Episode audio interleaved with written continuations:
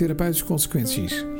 Het is vandaag 12 maart 2020 en we zitten waarschijnlijk in de opschaalfase nog steeds van de nieuwe coronavirus-epidemie, inmiddels verklaard tot een pandemie.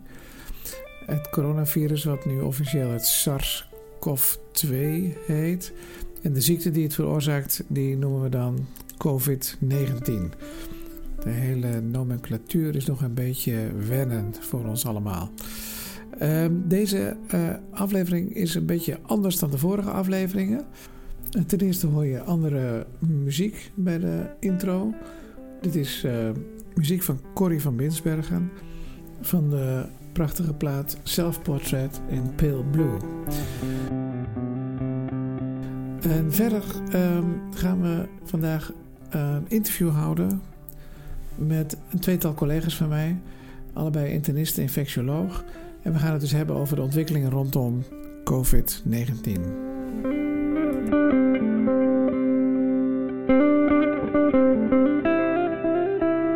Ik zit hier uh, vanmiddag met uh, Marike, mijn collega Marike de Recht, internist-infectioloog, en Janneke Stalenhof, internist-infectioloog. Welkom allebei. Dankjewel. En uh, ja, we zitten geleidelijk aan steeds meer in het COVID-19 gebeuren.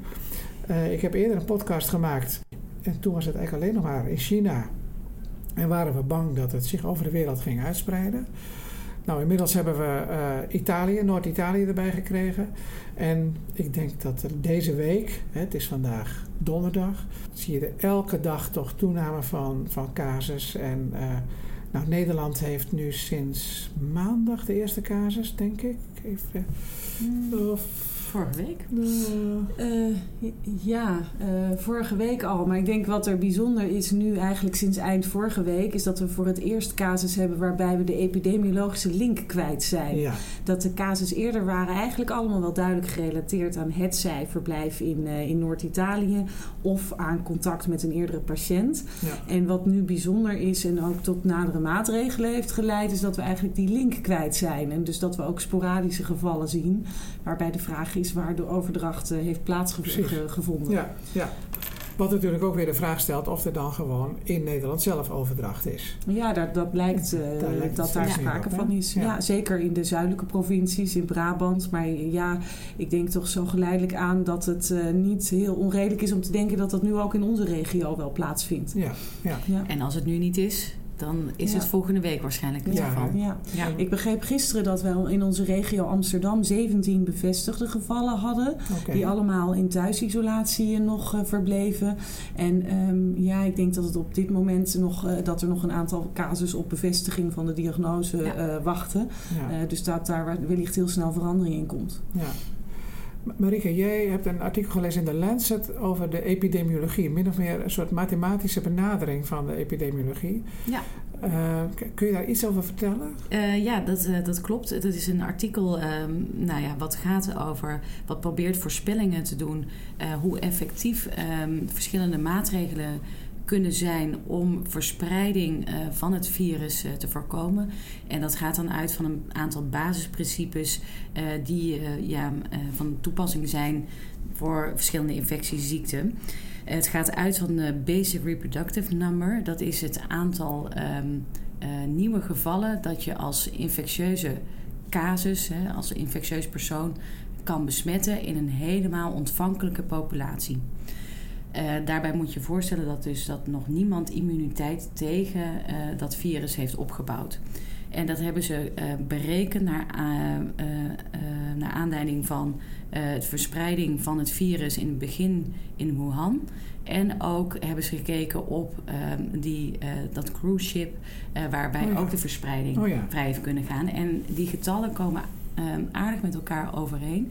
En dat is ongeveer een basic reproductive number. Ik heb het artikel nu niet voor me, maar rond de 2,3, 2,4. Ja. Dus dat zou betekenen dat um, gemiddeld uh, een infectieus persoon gemiddeld uh, 2,4 nieuwe mensen besmet. Ja. Uh, als je het basisprincipe is, dus als je je basic reproductive number van een infectie hoger is dan 1, uh, dan zal dat leiden tot een epidemie. Als dat lager is dan 1, zal de ziekte uitdoven. Dan zal per toeval zal één iemand wel eens wat meer mensen uh, besmetten. Maar uiteindelijk is het altijd minder dan 1 en dooft de ziekte uit. Ja. Als het gelijk is als 1 dan, 1, dan zal het in de populatie blijven en steeds doorgaan. En zal het uiteindelijk endemisch worden in een populatie. Ja. En wat je probeert te doen uh, met je maatregelen is die basic reproductive number, het effectieve reproductive number, onder de 1 krijgen. Ja. En uh, hoe effectiever je dat uh, doet, hoe sneller het onder de 1 is. Ja. En dat kun je op verschillende manieren doen. He, dat is door uh, de bron te isoleren. Um, ervoor te zorgen dat die niet verder kan verspreiden. Um, je kunt het aantal contacten ja, daardoor uh, per, uh, tussen een infectieus persoon en ontvankelijk personen verminderen. Je kunt ervoor zorgen door bijvoorbeeld medicijnen te geven, door zorgen dat de infectieuze periode korter wordt. En wat, waar je voor kan zorgen is dat er minder vatbare mensen komen. Ja. en dat is door bijvoorbeeld mensen te vaccineren. Dat doen we met uh, influenza bijvoorbeeld. En voor influenza is er ook altijd al immuniteit in de, uh, in de omgeving, in de populatie. Ja. En dat hebben we voor dit virus niet. En het probleem is dat we voor dit virus dus geen immuniteit hebben, dat niemand dat heeft en dat er geen vaccin is en dat er geen behandeling is. Ja. Dus het enige waar we op aangewezen zijn is op isolatie en ook um, ja, de handenhygiëne, uh, zorgen dat je het niet verder verspreidt. Ja. Uh, de, de, maatregelen die we nu nemen in Nederland, wat is jullie indruk? Is dat adequaat of is dat, uh, wat je ook wel eens hoort, we zijn iets te laconiek of is het overdreven? Wat is jullie impressie tot nog toe? Idee over, Janneke? Ja, ik denk dat de verschillende fasen van zo'n uh, van zo'n epidemie vragen om een andere aanpak. En tot nu toe hadden we uh, casus met, zoals ik net zei, een hele duidelijke epidemiologische link. Dus om die casus dan te isoleren, uh, dat, dat lijkt een, ik denk dat dat een hele goede maatregel was. Inmiddels lijkt er dus ook wat meer wijd verspreide transmissie. En ik denk dat de aanpak zoals het op dit moment in die gebieden, zoals in Brabant is, zoals dat door het RIVM geadviseerd is, dat dat heel verstandig is. En um, ik kan goed voorstellen dat als die situatie verder vordert, dat dat ook voor grotere delen van Nederland gaat, uh, gaat uh, vergen. En het blijft altijd natuurlijk een, een, afweging tussen de grote maatschappelijke impact die dit soort maatregelen hebben um, en um, ja, de effectiviteit daarvan. En ik heb het idee dat, we, dat het RIVM zich heel goed daarover laat informeren en, en ehm, ja, daar, daar ook duidelijkheid over geeft. Vind je dat wij als, als internisten en infectiologen voldoende op de hoogte gehouden worden door, uh, door het RIVM en, en, op andere manieren? Um, ja, ik denk eigenlijk, we worden dagelijks als er nieuwigheden zijn, dan krijgen wij een, eh, een e-mail. En uh, ik denk dat de informatie op de website ook dagelijks goed wordt bijgehouden. Kijk, we hebben altijd, en zeker als internist, de vraag naar meer informatie. En, um, uh, um, maar ik denk ja. dat naar omstandigheden dat, dat wel vrij aardig gaat. Ja. Um, ik denk wel dat we op dit moment ook geïnteresseerd zijn in hoeveel patiënten liggen er nou in de hoeveel ziekenhuizen en, en hoeveel IC-bedden worden er al belast. En, ja. en wat is er nog beschikbaar.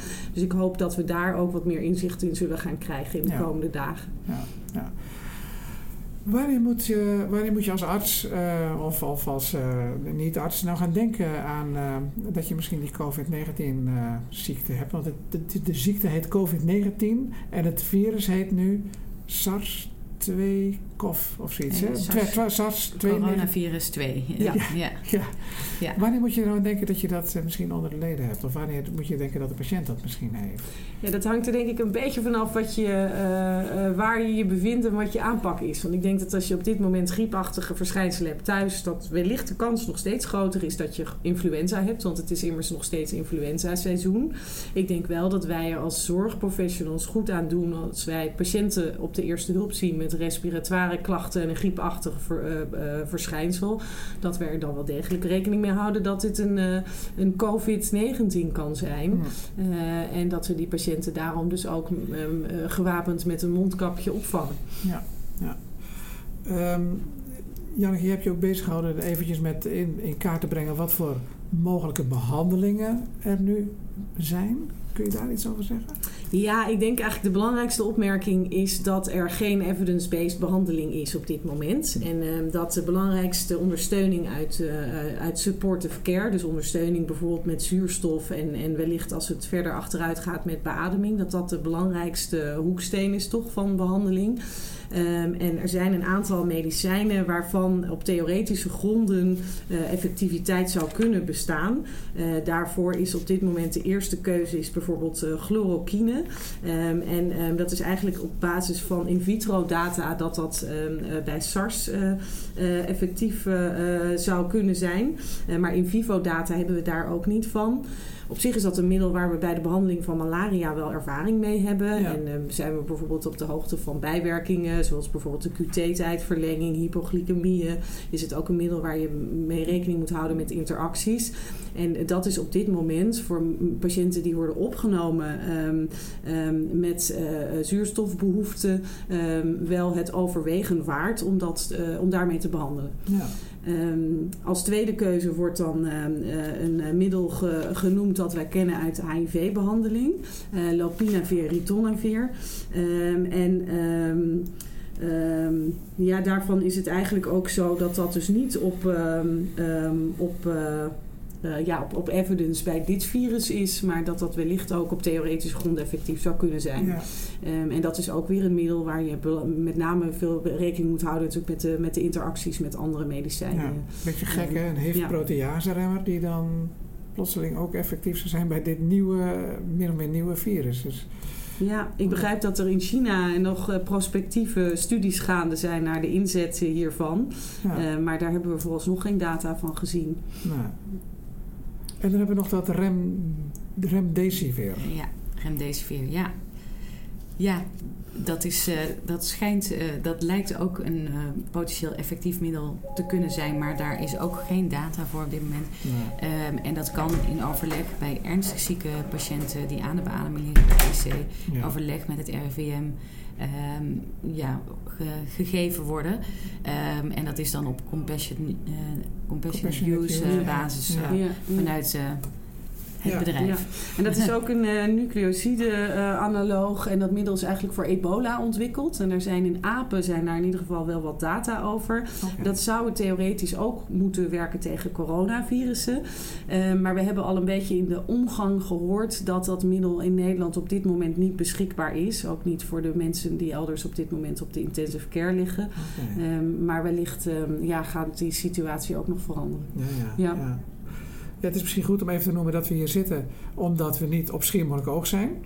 Ja. En we zijn niet op Schiermonnikoog omdat we daar naar de CROI zouden kijken. Het belangrijkste HIV- en virusinfectiecongres uh, ter wereld. En dat is niet doorgegaan. Dat was dit jaar in Boston. Dus uh, we zitten hier, uh, we hebben alle tijd om ons te verdiepen eigenlijk in dit uh, hele probleem. We zitten niet met overvolle polies, wat eigenlijk ook wel eens een keertje prettig is. Um, maar goed, we, kunnen, we hebben dus wel ook wat praatjes van de Croy kunnen zien. Die stonden online. En ik herinner me dat één praatje was van Tony Fauci. Uh, een soort grand old man van de HIV en überhaupt wel van de CDC. En die, um, die had het ook over dat remdesivir. En die dacht dat als je het zou moeten willen geven, dan zou je het juist vroeg in het beloop moeten geven. Wat ook wel weer lastig is natuurlijk. Want ja, dan moet je het uh, natuurlijk op ongelooflijk veel mensen geven. En, en hoe kom je daar dan weer uit? Dus we zitten toch wel een beetje met een, een lastige situatie in een aantal opzichten, naar mijn gevoel. Uh, beperkte testcapaciteit, dat ja, is lastig. Absoluut. Ja. We zouden natuurlijk eigenlijk het liefst iedereen willen testen. Uh, het zou geweldig zijn als we een overvloed aan dat remdesivir hadden of noem maar op. Ja. En dat je iedereen die je positief test gaat randomiseren tussen wel of niet dat middel geven. Dat zou de ideale wereld zijn. Uh, zo ver is het niet. Uh, voorlopig zit er niet veel anders op, denk ik, dan iedere keer maar weer naar uh, eer en geweten te handelen en, en naar beste bevinden te handelen. Hè? En naar het aantal middelen wat ja. we hebben. Ja. Capaciteit. Precies. Dus het is wel ja. een, een heel gepuzzel. Jullie zitten allebei in het outbreak management team. En, en, zijn volop betrokken bij, ook op ziekenhuisniveau, hoe we dit gaan aanpakken. Maar dat is nog wel een hele uitdaging, heb ik zo het gevoel. Ja, net als de, de consequenties die de maatregelen van het RIVM hebben ehm, eh, op, de, op de maatschappij, is dat natuurlijk ook in een ziekenhuis zo in voorbereiding. Hè? In hoeverre moet je, je je bedrijfsmatige activiteit al gaan inperken om, om uh, een, een, mogelijke patiëntenstroom te gaan opvangen? Dus dat zijn uh, eigenlijk beslissingen die per dag veranderen. En, ja. Um, Um, maar uh, het is wel duidelijk dat we in ieder geval een plan hebben klaar liggen hier in het ziekenhuis over hoe dat uh, verder opgeschaald uh, zou moeten gaan worden als, als het daar tijd voor is. Ja. ja. We prepareren ons op Italiaanse toestanden. Ja, die hopen, proberen we te voorkomen. Proberen we te vermijden, maar of dat gaat lukken, dat is de vraag natuurlijk. Oké. Okay. Ja. Nou, in ieder geval veel dank en jullie horen het resultaat. Dank je